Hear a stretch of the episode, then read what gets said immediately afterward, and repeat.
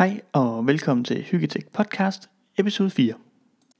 Badum dum dum dum dum dum dum dum dum dum dum dum dum dum dum. Badum dum dum dum dum dum dum dum dum dum dum dum dum dum. I dag skal vi snakke om Microsoft Build, Google I.O., Open Media Vault, og så et uh, tilbagekig på en gammel gadget, som jeg i den grad savner.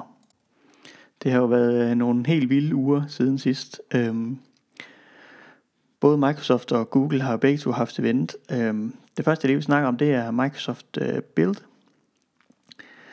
Microsoft øh, har jo egentlig i bund og grund det problem, at um, hvor at Apple og Google har rigtig mange sådan fans, der elsker at bruge deres styresystem og taler højt og flot om det.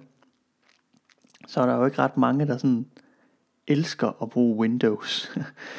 Windows har fået sådan lidt øh, dårlig ry gennem årene, og er sådan blevet meget bare et værktøj, folk de, øh, de bruger. Og jeg synes sådan set også, at øh, Microsoft øh, til dels selv er skyld i det. Jeg synes stadigvæk, der er nogle, nogle ting ved Windows, som, øh, som, som undrer mig, at der ikke er blevet, øh, blevet rettet op på.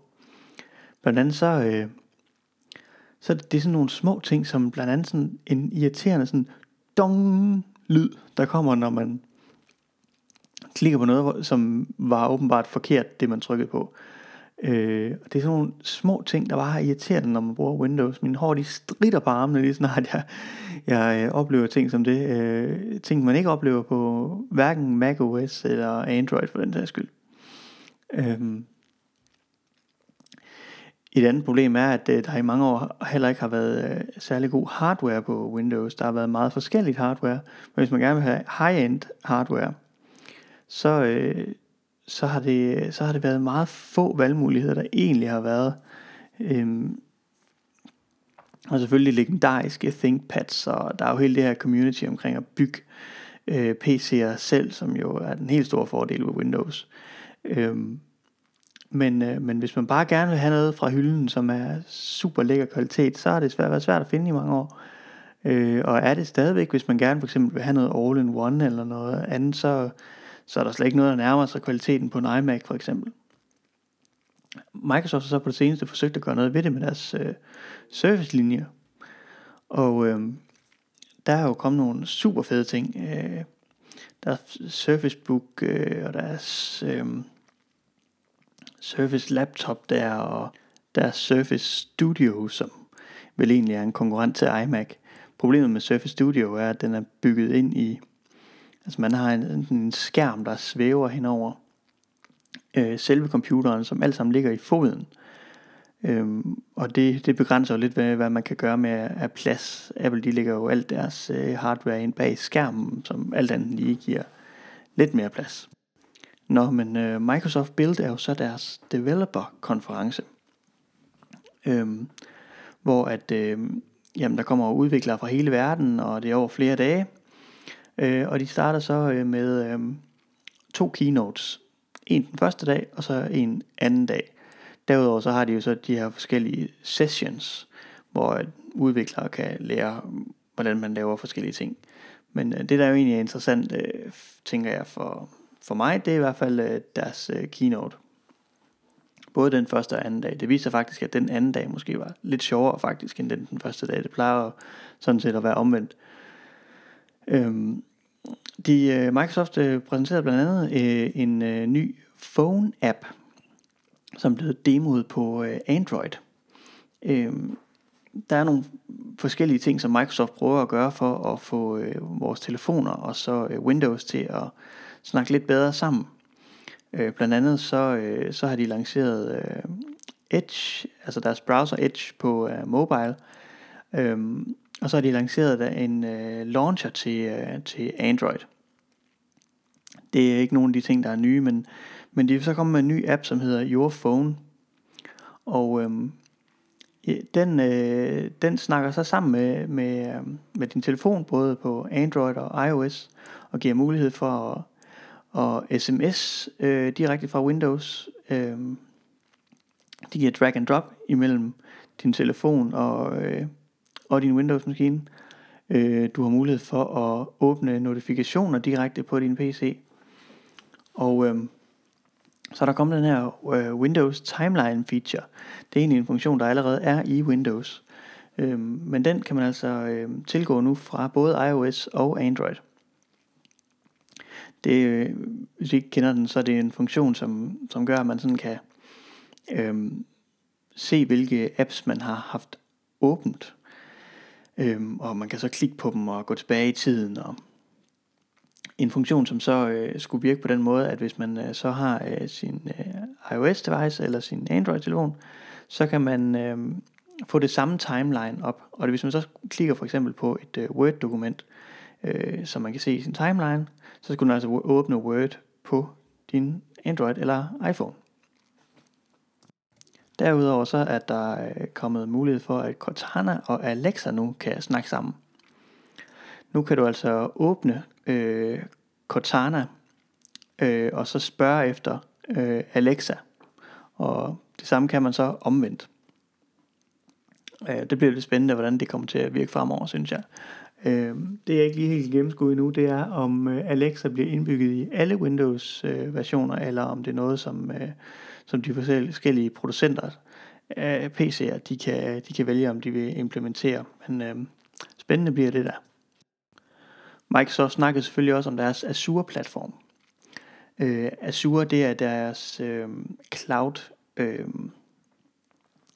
som øh, jo så har fået nogle forskellige nye features. Øh, Microsofts øh, Azure-platform er sådan set øh, Amazon AWS største konkurrent. Amazons er stadigvæk klart den største, men, øh, men Microsoft får mere og mere fat på det område.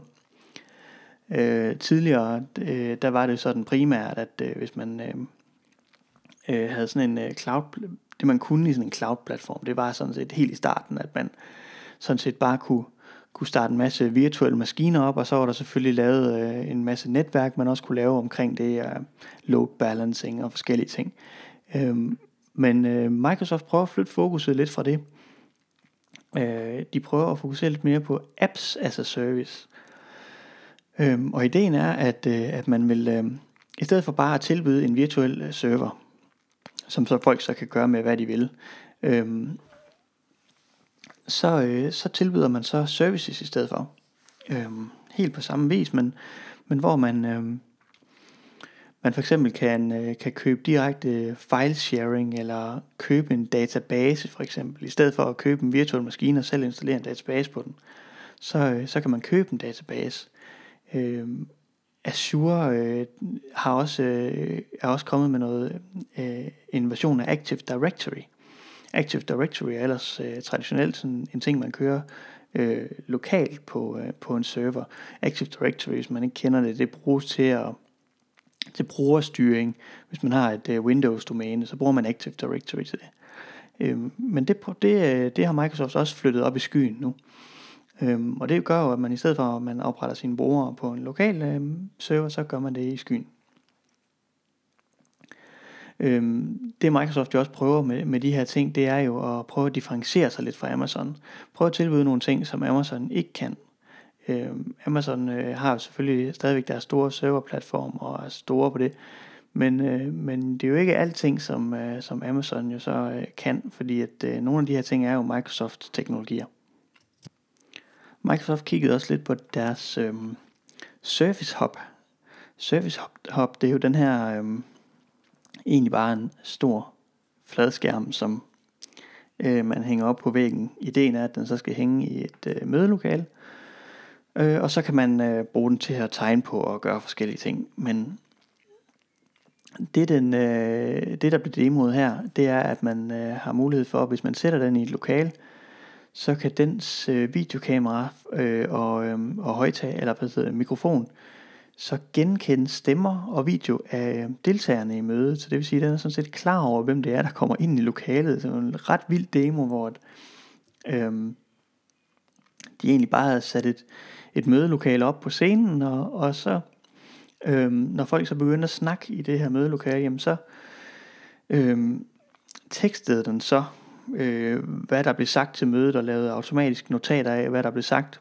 Men den kunne så også finde ud af, hvem det var, der sagde de her ting. Ret fedt, synes jeg egentlig. Øhm, de, de her informationer her, de kan så bruges sammen med, øhm, øh, noget, der hedder Microsoft Teams, som er sådan et nyt produkt, til, øh, som Microsoft er kommet med. Også netop en, en cloud-løsning. Øh, øhm, mit indtryk er, at det sådan set er en afløser for Microsoft SharePoint. Øh, men, men det den, øh, det den også kunne, det var, at den så kunne øh, netop genkende tidspunkter og, og planlægning af møder, ud fra hvad der blev sagt til mødet, alt sammen automatisk. Øh, ret fed demo. Jeg er spændt på at se, om det, om det rent faktisk også øh, kommer til at virke i øh, praksis. Der blev også snakket om en, øh, en ny funktion, som hedder Set. Det er en funktion, der kommer i, i de nye versioner af Windows. Øhm, ideen er, at man kan øhm, lave et, øhm, et såkaldt sæt af, øhm, af opgaver i det samme vindue. Det, det vil sige, at man har et øh, vindue, og så kan man have forskellige øh, hjemmesider, men også forskellige øh, applikationer kørende i det samme vindue. Og det vil sige, hvis man har et øh, workflow, hvor man skal noget specifikt og har åbne øh, vinduer, vinduer til lige præcis øh, det projekt, øh, og Word-dokumenter, Excel og så videre åbne, så det passer til det projekt, jamen, så kan man altid alt sammen have det i samme øh, vindue. Det er sådan en, en ny måde at arbejde på, tænker jeg. Jeg ved ikke, om jeg selv vil bruge det, men øhm, smart så det ser det der ud, og det bliver da spændende, om, om det er noget, der er brugbart. Der blev selvfølgelig øh, lanceret mange andre ting på Microsoft Build, men øh, det var jo ikke alt sammen, jeg synes, der var sådan lige relevant at snakke om. Meget af det var direkte relateret til udviklere. Hvis man er udvikler, så, øh, så er det jo ikke sikkert, at det, det nødvendigvis er, er lige den her podcast, hvor man øh, regner med at få, få mest information omkring de ting. Så, øh, så det var de ting, jeg havde lyst til at lige at snakke om omkring øh, Build 2018. Google I.O. Øh, var jo også siden sidst, og øh, der kom jo rigtig mange nyheder. Jeg har kun øh, valgt nogle ganske få af, af nyhederne at snakke om. Men sådan set dem, jeg synes, der var mest, øh, mest spændende.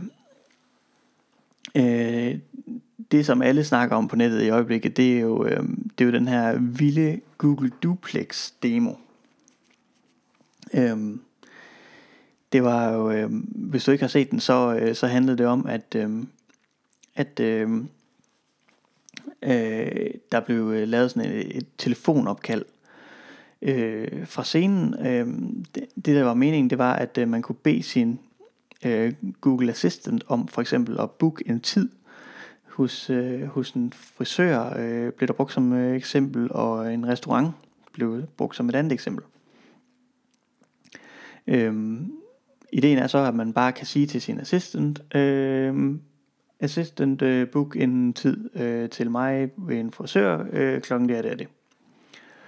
Og hvis det så er en øh, frisør, som, øh, som ikke har online bestilling, men man så kan ringe til i stedet for, jamen så kan den så lave det opkald for dig.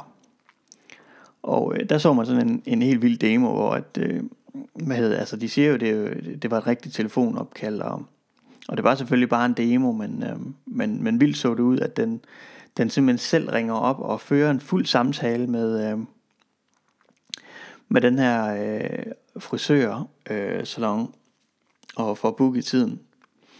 Øh, det kører sådan rimelig nemt, det opkald ser det ud til, øh, og det, virker slet ikke som om, at den her frisørsalon øh, opdager, at, øh, at det er en computer, de rent faktisk snakker med. Øh, lidt mere spændende bliver det så, når den her øh, Google Assistant, den skal ringe og bestille en tid øh, til et bord på en restaurant. Fordi øh, der, der misforstår restauranten faktisk. Det virker ikke som om, at, øh, at den her øh, ekspedient hos restauranten snakker særlig godt engelsk. Så det bliver lidt en udfordring for, øh, for assistenten her. Øhm, og det her opkald, det, øh, det, det går sådan lidt ud af en, ud af en vej, som, øh, som man ikke lige umiddelbart havde forestillet sig. Men det lykkedes faktisk for, øh, for Google Assistant at, øh, at føre den her samtale fuldstændig ud og, og ender med at få den information ud af samtalen, som, som den skulle. Øh, det, det, var, det var en virkelig vild demo, og det er sådan, altså, jeg kan sådan, når jeg læser lidt om det, så øh, kan jeg sådan forstå, at folk de er lidt i to lejre omkring det. Der er nogen, der bare synes, det er det vildeste og det fedeste i verden, og der, der er jeg måske nok lidt lidt mere i den retning, hvor, og så er der andre, der siger, at øh, det her det simpelthen bare er for creepy. Øh, det er sådan, er, hvis man, når man tager telefonen, snarere ikke ved, om det er et menneske, man snakker med eller ej, så, så er vi ude af en tangent, som, øh, som ikke var meningen. men øh, men jeg, jeg tror, jeg synes, at det, det, det er så fedt, det der med, at, øh, at computeren den på den måde kan hjælpe en. Øh, det, det er jo totalt science fiction, altså at man bare øh, kan snakke til sin øh, computer, og den bare ordner ting for en. Øh, at, øh, at man på den måde kan få en personlig assistent. Øh, det gør jo, at personlige assistenter lige pludselig bliver tilgængelige for mange flere mennesker. Det har jo været noget, der ellers ikke øh, har været tilgængeligt jo for folk, fordi man skal betale for, en, for et menneske til at ordne sådan nogle ting for en. Øh, kæmpe stor forskel, tror jeg, det bliver. Øh, det jeg også sådan øh, kan forstå, det er, at, øh, at Google faktisk allerede til et meget, øh, til, til meget specielt udvalgte øh, vil øh, føre det her øh, ud, altså til almindelige mennesker øh, i løbet af i år. Google skulle selvfølgelig også øh, lige vise den nyeste version af Android frem. Android øh, P Øhm, jeg vil ikke snakke så meget om Android P, fordi øh, det er som sagt stadigvæk øh, i, øh, i beta, og øh, det bliver jo først på den anden side af, af sommerferien i hvert fald, at vi kommer til at se øh, øh, udrulningen af Android P. Vi ved jo ikke engang endnu, hvad, hvad P kommer til at stå for. Men, øh, men jeg kan da lige snakke om, om det, der sådan var tydeligst at se på Android P, og det er jo, at man har ændret brugerinterfacet meget. Men øh, man er nok blevet inspireret lidt af iPhone. Øh, det man i hvert fald har indført, det er, at øh, måden at styre øh, launcheren på i Android P øh, er meget mere swipe-baseret. Så, øhm, så man øh, selve multitasking-knappen er forsvundet, og øh, home-knappen er også forsvundet. Øhm, tilbage-knappen er der stadigvæk, men øh, kun når man er inde i apps, og det er jo så fordi, at øh, at apps øh, stadigvæk er bygget op omkring, at man, øh, man har den her tilbage-knap øh, på øh, Android. Øh, og det, det er jo svært lige at lave om på den ene, fra den ene dag til den anden. Jeg tænker, at det er nok noget, der bliver, øh, bliver faset stille og roligt ud øh, på sigt. Øh, men så længe at, øh, at alle de, øh, de nuværende apps, de, øh, de er bygget op omkring en tilbageknap, så er det fjern, svært lige at fjerne den fra den ene version til den anden. Øh, men, øh, men, men rigtig fancy ser den ud, den nye, øh, den nye øh, launcher her, og øh, det ser ud til, at, øh, at øh, der er en, en masse funktioner i, at de her, når man laver det her multitasking, så er appsene stadigvæk live, og man kan copy-paste mens, øh, imellem appsene, mens man ser det her multitasking view. Øh, øh, det er noget med, at der kommer nogle forskellige flere ting omkring, at den telefonen forudser, øh, hvad for nogle... Øh, øh, ting, man vil som det næste øh, rundt omkring i styresystemet. Øh, men det bliver da spændende at se, hvad, hvad, hvad Android P det, det, det giver, og ikke mindst hvad P'et kommer til at stå for selvfølgelig. Men, men, øh, men jeg, jeg, jeg er sådan personligt selv mere entusiastisk omkring at, at, at se Android P øh, på de nye øh, Pixel-telefoner. Og Pixel-telefonerne, de kommer jo typisk der på den anden side af sommerferien, og ligesom skal være flagskibstelefonen til den nye øh, Android-version. Øhm, der er også kommet, øh, kommet nye stemmer til Google Assistant. Det bliver lidt spændende at se, hvad, øh, øh, hvor meget af det vi kommer til at se i, i Danmark. Øh, men altså seks nye stemmer til Google Assistant. Øh, Google Smart Displays øh, det, de, er, de kommer til sommer, ser det ud til. Øh, Smart Displays, det er jo sådan en, øh, egentlig en konkurrent til, øh, til Amazon Echo Show. Amazon Echo Show, det er jo sådan en, øh, det ligner sådan et øh, lille gammeldags CRT-fjernsyn faktisk lidt i designet. Øh, men det er sådan deres Amazon Echo, men med øh, billede på, kan man sige. Øh, ideen er, at man for eksempel kan til at stå ude i i køkken og... Øh, og så kan man få den til at læse for eksempel øh, opskrifter op og så videre, mens den står derude. Man kan se video på den, og man kan lave videoopkald og, og hvad, hvad man ellers, øh, jeg tænker, bruger en iPad til. Men, øh, men der, øh, jeg tror, det, det er sådan, ideen er, at den er lidt mere stationær, den her, og det, det, det giver noget, at den altid er, og man ved, hvor den er, eller sådan. Øhm, men det, øh, den er åbenbart blevet sådan populær nok til, at øh, Google tænker, at de vil komme med en konkurrent til den. Og det er jo de her smart displays, og vi har allerede set færdig hardware, øh, som øh, med det her smart display software, blandt andet fra Lenovo. Øh, men, øh, men det skulle altså være klar til sommer, og det bliver lidt spændende at høre, hvordan det bliver. Blandt andet så har Google jo blokeret for YouTube på den her Amazon Echo Show. Øh, i sådan, øh, det virker som om, at, at det er bare sådan for at drille øh, Amazon, øh, fordi de godt ved, hvor stor YouTube øh, jo er til den slags enheder. Og, og når de så selv kommer med, med en konkurrent, så, øh, så skal de selvfølgelig ikke give YouTube gratis væk, når det nu er et nyt marked, de skal konkurrere om. Men det bliver spændende at se de der enheder. Jeg kan ikke rigtig finde ud af, hvor relevante de er. Øh, ideen er, at de ligesom skal være drevet af Google Assistant, og jo mere øh, smart den bliver, jo bedre bliver det her produkt jo så.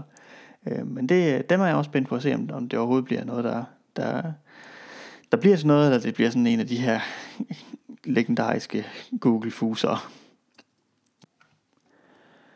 Google snakkede også øh, lidt mere om, øh, om Gmail, øh, som vi snakkede om sidste gang, eller øh, som jeg lige kom lidt ind på i, øh, i, i sidste afsnit, så, øh, så var der jo nogle, øh, nogle nye funktioner med Gmail.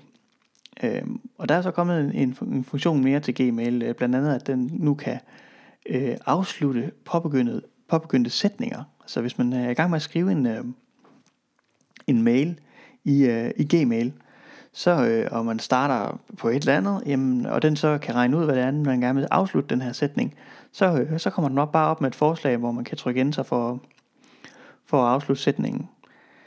Øh, det virker ret smart, synes jeg. Øh, men, øh, men jeg har også bare et indtryk af, at det kun kommer til at virke på engelsk. Men, øh, men en ny funktion er det der i hvert fald til Gmail. Der var også en, en del opdateringer til Google Maps, men øh, der er bestemt en af tingene, jeg godt kunne tænke mig at snakke om. Og, øh, og det er øh, den her funktion. Vi kender det alle sammen, tror jeg, når man sådan lige, øh, hvad hedder det, har, har været øh, med tog et eller andet sted hen, så, øh, så stiger man øh, ud på banegården, og, øh, og så skal man øh, have sit øh, Google Maps frem for at finde ud af, hvor man skal gå hen for at finde for eksempel sit hotelværelse. Øh, det der sker i det tilfælde, det er, at øh, man står på banegården der udenfor, og så, øh, og så kan telefonen ikke rigtig finde ud af, øh, hvordan man vender, fordi den har ikke sådan rigtig noget data at gå ud fra. Den kan bare finde ud af sådan cirka, hvor man er, men, men hvad retning man kigger, det kan den jo ikke finde ud af. Så det vil sige, at, at øh, hvad, det, det kan være svært i det tilfælde at, at simpelthen finde ud af, hvor man skal gå hen. Det er Google så kommet med en løsning på nu. Øh, ideen er, at man simpelthen bruger kameraet øh, til at, at vise, hvor man skal gå hen. Og det vil sige, når man så går ud af, fra banegården, så øh, i stedet for at kigge forvirret ned på sin telefon og, og gå et godt stykke ned ad vejen for at finde ud af, så telefonen kan finde ud af, hvad retning man ligesom går i, og for så at fortælle en, at det var den forkerte retning, så tager man bare sit øh, kamera op, peger frem, og så får man sådan en viewfinder, hvor man så igennem kameraet får en pil, som viser, hvad vej man skal gå for at komme hen til sin destination. Virkelig, virkelig fed feature, synes jeg. Jeg har selv haft brug for den mange gange, øh, og, og undret mig over, at der ikke var kommet en løsning på det, men øh, det ser det ud til at komme nu. Den sidste ting, jeg lige vil snakke om fra øh, Google I.O., det er sådan set bare en lille ting. Sidste år øh, på Google I.O., der øh, lancerede Google den her app, der hedder Google Lens. Øhm, og, øh, og i den app, der er så kommet en, øh, en funktion, hvor at man øh, kan, øh, kan tage et billede af noget tekst, Øhm, og så kan du øh, copy-paste teksten direkte fra billedet. Øhm, ja, lille smart ting i hverdagen, som øh, jeg egentlig synes er, er, er fint nok, men øh, hvor meget man kommer til at bruge det, om man lige husker, at det findes, det, øh, det må tiden jo vise. Det næste emne, jeg godt kunne tænke mig at snakke om, det er øh, noget, der hedder Open Media Vault.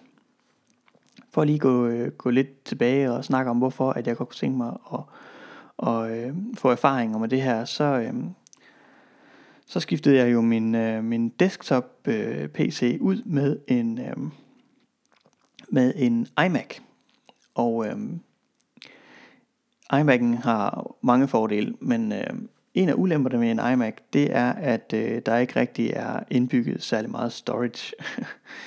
øh, jeg, øh, jeg kunne godt tænke mig at have en, øh, en PC kørende, øh, eller en, en eller anden enhed kørende øh, hele tiden, hvor at, øh, som jeg kan tilgå som NAS. Og øh, det har jeg tidligere brugt min PC til.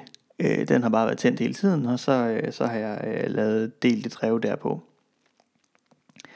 Øh, samtidig så har jeg ikke haft lyst til at skulle ud og bruge en hel masse penge på, øh, på en eller anden fancy NAS øh, server. Og, fordi jeg kunne godt se, at lige snart jeg begyndte at kigge på, på NAS server, så, øh, så kunne det sådan lidt gå to veje. Den ene vej, det var, at man, øh, man købte den billigste NAS server, og øh, og så levede med, at øh, den var langsom og, og ikke kunne noget næsten. Øh, og, og det kender jeg jo mig selv godt nok til, at når jeg så går i gang med sådan et projekt, så, øh, så vil det skuffe mig. Og, øh, og jeg vil ærge mig over, at jeg ikke øh, havde en federe NAS, som kunne nogle flere ting. Øhm, man kan sige, det jeg så valgte nu her, det var så at sige, jamen nu prøver jeg så bare at, at bygge min øh, egen NAS, og det prøver jeg så at gøre så billigt som muligt, og så må jeg se, hvor langt det, det rækker. Øhm, og, øh, og så øh, i den sammenhæng, der kunne jeg godt tænke mig, at den NAS var baseret på Linux. Fordi øh, jeg øh, er ret begejstret for Linux og føler mig hjemme i det. Øh, jeg arbejder professionelt med Linux, og det vil sige, at øh, de der forskellige Linux-kommandoer, de, øh, de sidder sådan rimelig i fingrene, og, og det er rart at altid have mulighed for at, at kunne tilgå en Linux-kommando. Øhm, og øh, så kom det her Open Media Vault ind i billedet. Og øhm, Open Media Vault er jo sådan et øh, open source NAS software. Øhm, og øh, jamen, fordelen ved egentlig i første omgang ved, ved, ved det software, tænker jeg, det var, at det faktisk kunne køre på en Raspberry Pi, jeg var selvfølgelig noget skeptisk over, hvordan det så ville køre på en Raspberry Pi, fordi en Raspberry Pi er som bekendt jo ikke særlig kraftig. Jeg har godt nok den nyeste version af Raspberry Pi, jeg har købt i den her sammenhæng. Uh, Raspberry Pi 3B Plus, tror jeg ned. Uh, øh, en af fordelene ved den er, at den har gigabit ethernet. Uh, det viser så, at, øh, at det var blandt andet noget af det, der gav mig problemer. Men det kan jeg lige komme ind på lidt senere. Men øh, men jeg kunne godt tænke mig at, øh, at få lidt erfaring med det her Open Media Vault, og jeg synes, at det var en øh, oplagt måde at, at få erfaringer med. Det var en billig måde. Jeg kunne bare bruge en Raspberry Pi, og så en ekstern harddisk, koble den til, og så, øh, og så øh, lave en NAS på den måde. Øh, så jeg har installeret det her øh, Open Media Vault, og, og kørt med det i en uges tid, og Jamen, øh, Open Media Vault er jo super fed software, der øh, giver rigtig mange muligheder. Der er blandt andet øh, plugins, man kan bruge til at lave forskellige ting. Øh, man kan da lave virtualisering i det. Det kan Raspberry Pi så slet ikke trække, men hvis man har kraftigere hardware, så, øh, så kan man gøre det. Du kan køre en Plex server på. Det er igen noget, som Raspberry Pi måske ikke lige øh, er ideelt til. Øhm, men øh, øh udover det, så understøtter den jo forskellige øhm, øh, øh, fildelingsprotokoller også. Øhm, øh, SFB, øh, SMB, øh, AFP, øh, FTP, øh, hvad, hvad man ellers kan finde på. Øh, SFTP mener jeg også, den understøtter. Øhm, det er sådan set øh, næsten kun fantasien, der sætter grænserne, og hvis der skulle være noget, så øh, kan man garanteret finde et plugin, der, der understøtter lige præcis det, man gerne vil øh, bruge den til. Øh, jeg, øh, jeg kunne godt tænke mig, at øh, blandt andet, at min, øh, min øh, NAS den kunne øh, koble på en øh, VPN-server. Altså ikke selv køre som VPN, men at den skulle kunne koble på en VPN-server. Øhm, og øh, det er jo også sådan noget som, hvad hedder det, øh, som det, netop det her Open Media Wall kan, fordi den er baseret på Debian.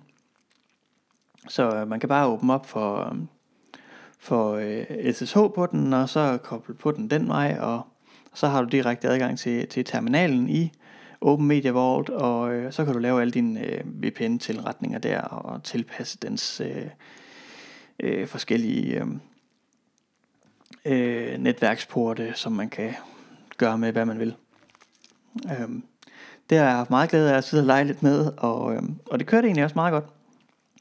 Men jeg rent hurtigt ind i, Jeg synes, den var for langsom. Hvis jeg for eksempel øh, skulle øh, afspille en film direkte, som jeg havde rippet til den, øh, så, øh, så oplevede jeg simpelthen, at den, øh, den kunne ikke følge øh, med.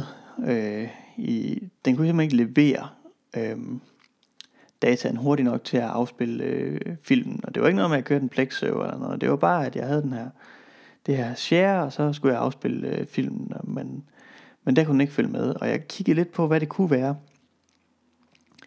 Øh, jeg mistænkte jo øh, først og fremmest, at den, øh, dens Ethernet-port øh, ikke var, var hurtig nok. Og der kunne man lave lidt øh, indstillinger der. Der kan man jo... Øh, det, det der først og fremmest undrede mig lidt, det var da jeg gik ind i Open Media Vault, så, øh, øh, så kunne jeg se, at øh, Ethernet-porten kun stod til 100 megabit. Og øh, på en Raspberry Pi 3 Plus, øh, 3B Plus, så er den, øh, så har den en Ethernet-port øh, med, øh, med gigabit. Øh, og det, det, det, det undrede mig selvfølgelig lidt, og det viser, at jeg kunne gå ind i, øh, ind i en øh, konfigurationsfil, og så kunne jeg ændre det, så den kørte gigabit. Øh, jeg læste lidt om på, på nettet rundt omkring i nogle forums øh, omkring det her, øh, og det viser sig, at grund til, at Open Media Vault, når den bliver installeret på en Raspberry Pi, grund til, at den øh, defaulter til øh, 100 megabit, er, at øh, den er simpelthen ikke... Øh, når den skal køre gigabit, så kører gigabit-forbindelsen simpelthen ikke stabilt nok.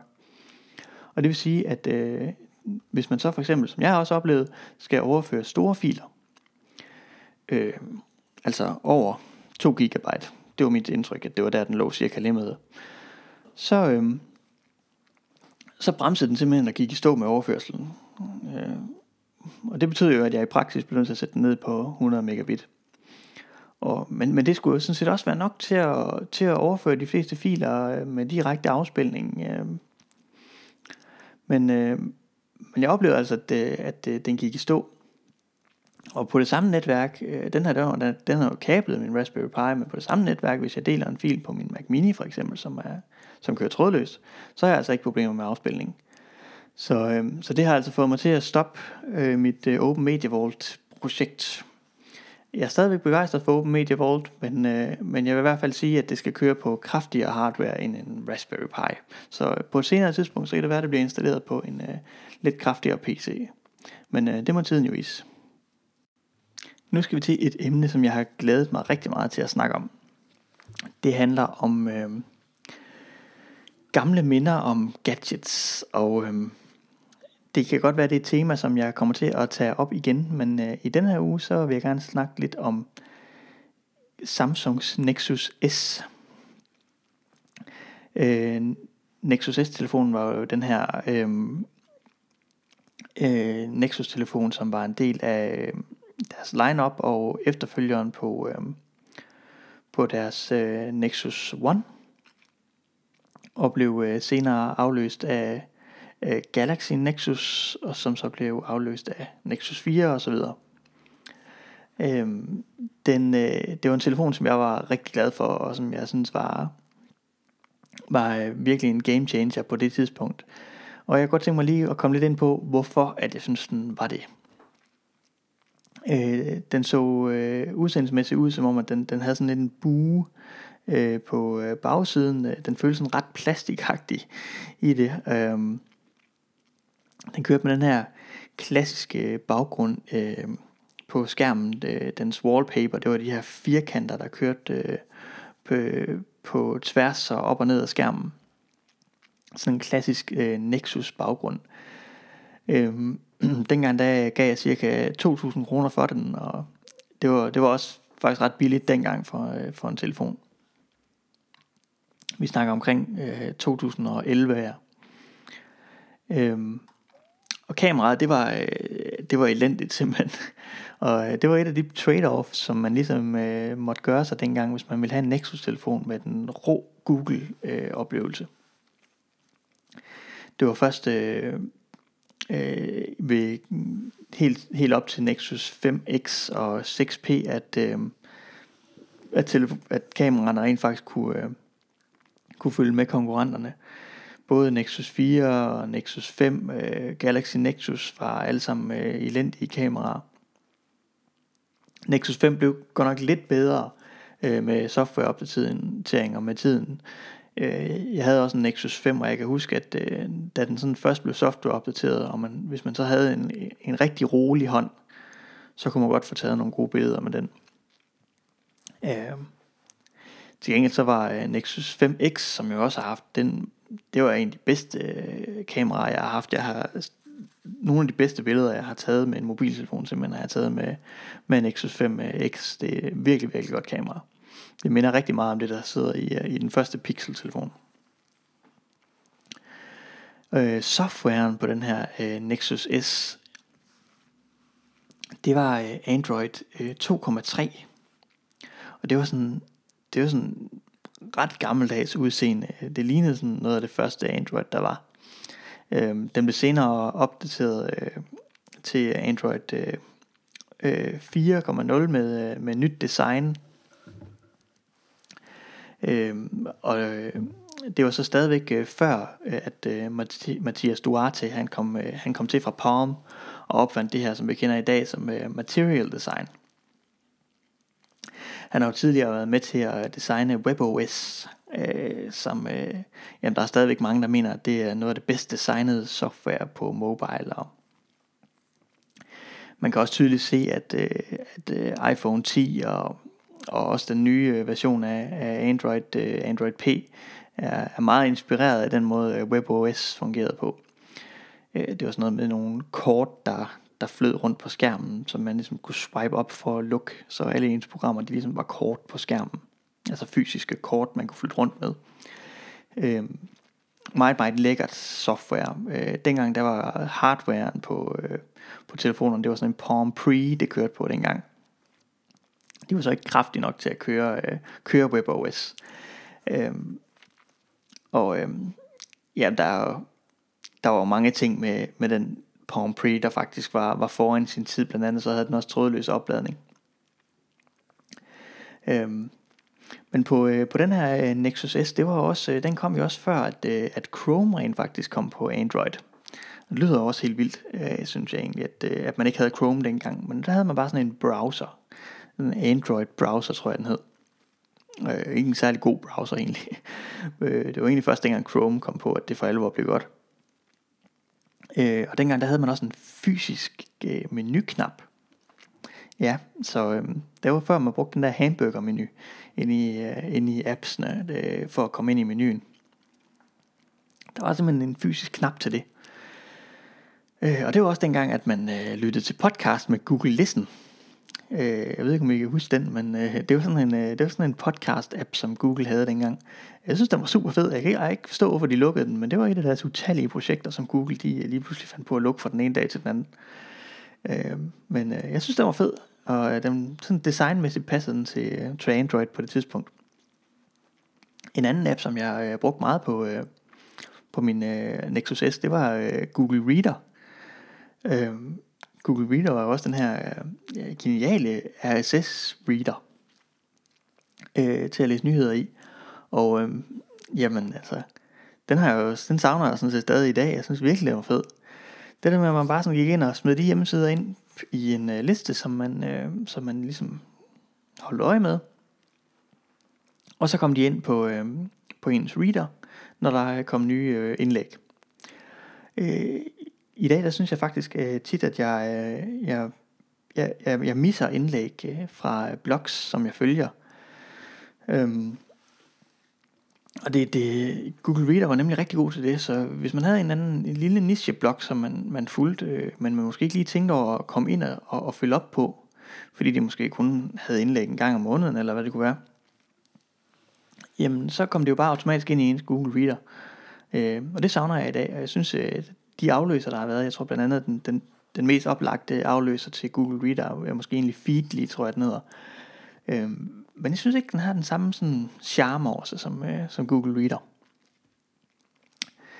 Øhm, Nexus S den kom jo også i en tid, hvor at øh, teleselskaberne havde utrolig stor indflydelse på, hvordan telefonerne så ud. Øh, og der blev sprøjtet mobiltelefoner ud øh, på det tidspunkt, som jo aldrig nogensinde efterfølgende modtog en opdatering, fordi der simpelthen var så mange forskellige. Øh, Øh, den tilsvarende model til, øh, til Nexus S, det var den her Galaxy-telefon, Samsung Galaxy-telefon, som, som Samsung jo også lavede, øh, og som ligesom var, var deres branded telefon, og ikke Google-branded. Øh, men det var ikke som i dag. Fordi i dag, der, der kommer jo så Galaxy S8 og Galaxy S9. Øh. Men dengang, der skulle hvert teleselskab, de skulle have deres egen model. Så, øh, og der var så forskellige små ting, der sådan var, for, var anderledes ved, ved hver model, for at det teleselskab jo følte, at de havde deres egen unikke model. Øh, bare i USA, så, øh, så den her øh, Galaxy Nexus, som Nexus S'en var bygget på, den hed øh, Infuse på AT&T, og AT&T havde også en, der hed Captivate. Øh, den hed Vibrant på T-Mobile, så hed den Fascinate på Verizon. Øh, så hed den Epic 4G på, øh, på Sprint.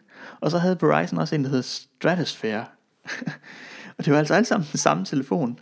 Øh, kun lige med nogle små ændringer. Nogle af dem så havde de sådan en, for eksempel nogen havde en, en sådan rå bagside eller sådan noget, eller sådan, det, var, det var virkelig sådan få ting, der sådan var, var forskellen på dem, men, øh, men så kunne de jo sige, at de havde deres, deres egen unikke model. Det var også i en tid, hvor at, øh, at øh, telefonerne, de var sådan meget, meget tunge med deres forskellige skins. Øh, Samsungs TouchWiz var altså helt vildt tungt at køre dengang. Og det var også derfor, at hvis man sammenlignede en af de der øh, Galaxy-modeller med, øh, med Nexus S'en, så var det jo Nexus S'en jo langt hurtigere at bruge end, uh, end den tilsvarende Galaxy-model på grund af TouchWiz. Det simpelthen bare sløvede telefonen helt vildt ned. Det var dengang processorerne de ikke var så kraftige, så der skulle jo ikke så meget til for, for at sløve sådan en telefon ned. Så hvis man lige lagde, lagde lidt ekstra software her og nogle tunge billeder i, i det, jamen så, uh, så kunne det altså mærkes. Og det var jo også dengang, at HTC Sense hed det dengang, at der HTC skin, det var jo også helt vildt tungt.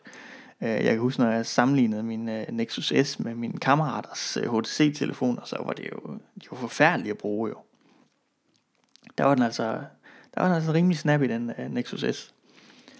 Øh, jeg, jeg solgte dengang uh, min iPhone 4 for, for at komme over på den her Nexus S, og jamen, jeg så mig jo ikke tilbage. Jeg synes jo bare, at den her Nexus S, det var det fedeste overhovedet. Og selvom den var jo langt mere plastikagtig, og skærmen var ringere, og der var mange ting, kameraet var ringere, og alt muligt en, en iPhone, så havde den bare noget charme over sig. Det var virkelig, man kunne mærke, at det var sådan, det var noget særligt, den her telefon. Den havde en åbenhed i softwaren, som iPhone jo slet ikke var i nærheden af. Øh, man, jeg kunne installere, hvad det passer mig, og det gjorde jeg virkelig også.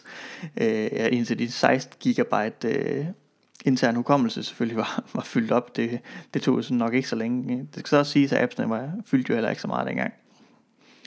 Øh, og det var også før, at, øh, at det sådan rigtig kom, var kommet i gang med kommet i gang i cloud.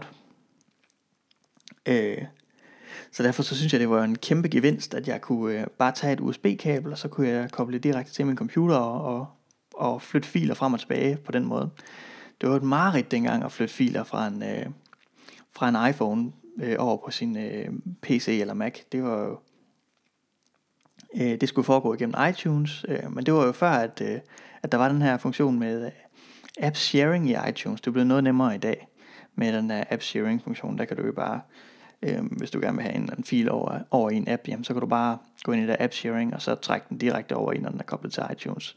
Men det kunne man altså ikke dengang.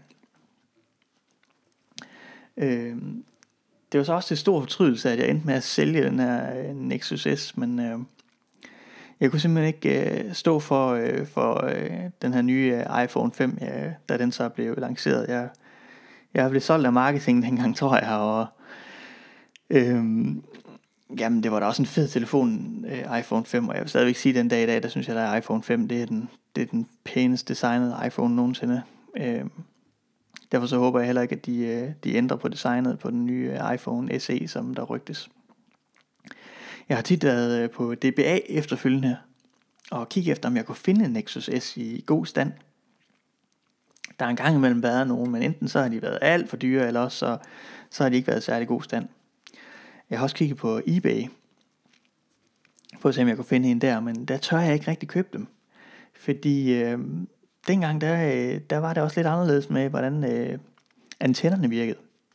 Fordi øh, i dag, så, øh, så ligger det hele i den samme Qualcomm-chip. Så det vil sige, at øh, når du køber en øh, ny telefon i dag, jamen så ligger, øh, så ligger modtageren til næsten alle frekvenser ligger, ligger i den samme chip, som der også ligger processor og grafik og alt sådan noget i. Det er blevet meget mindre, og man er blevet bedre til at producere det, så det er ikke, det er ikke forskellige enheder inde i telefonen, men det var det dengang. Så det vil sige, at øh, man skulle være sikker på, når man købte en telefon, så, øh, så skulle den jo også øh, passe til øh, det marked, som, øh, som man nu engang var på. Øh, jeg kan huske, at jeg havde en, øh, en iPhone 3G, da jeg boede i England, øh, og den ville jeg jo gerne have med til Danmark, da jeg så flyttede tilbage til Danmark, øh, men øh, den kunne så for eksempel ikke køre 3G. Øh, den kunne kun køre på Edge i Danmark. Øh, så jeg, jeg tør ikke rigtig øh, kigge, kigge alt for meget rundt på, på eBay efter en, øh, efter en Nexus S, men øh, jeg har da stadigvæk drømmen om, at, øh, at jeg får den tilbage igen, og, og den står til mig som, øh, som en helt legendarisk telefon. Tak for denne gang. Husk at subscribe til Hyggetech Podcast på iTunes, SoundCloud og Pocketcast.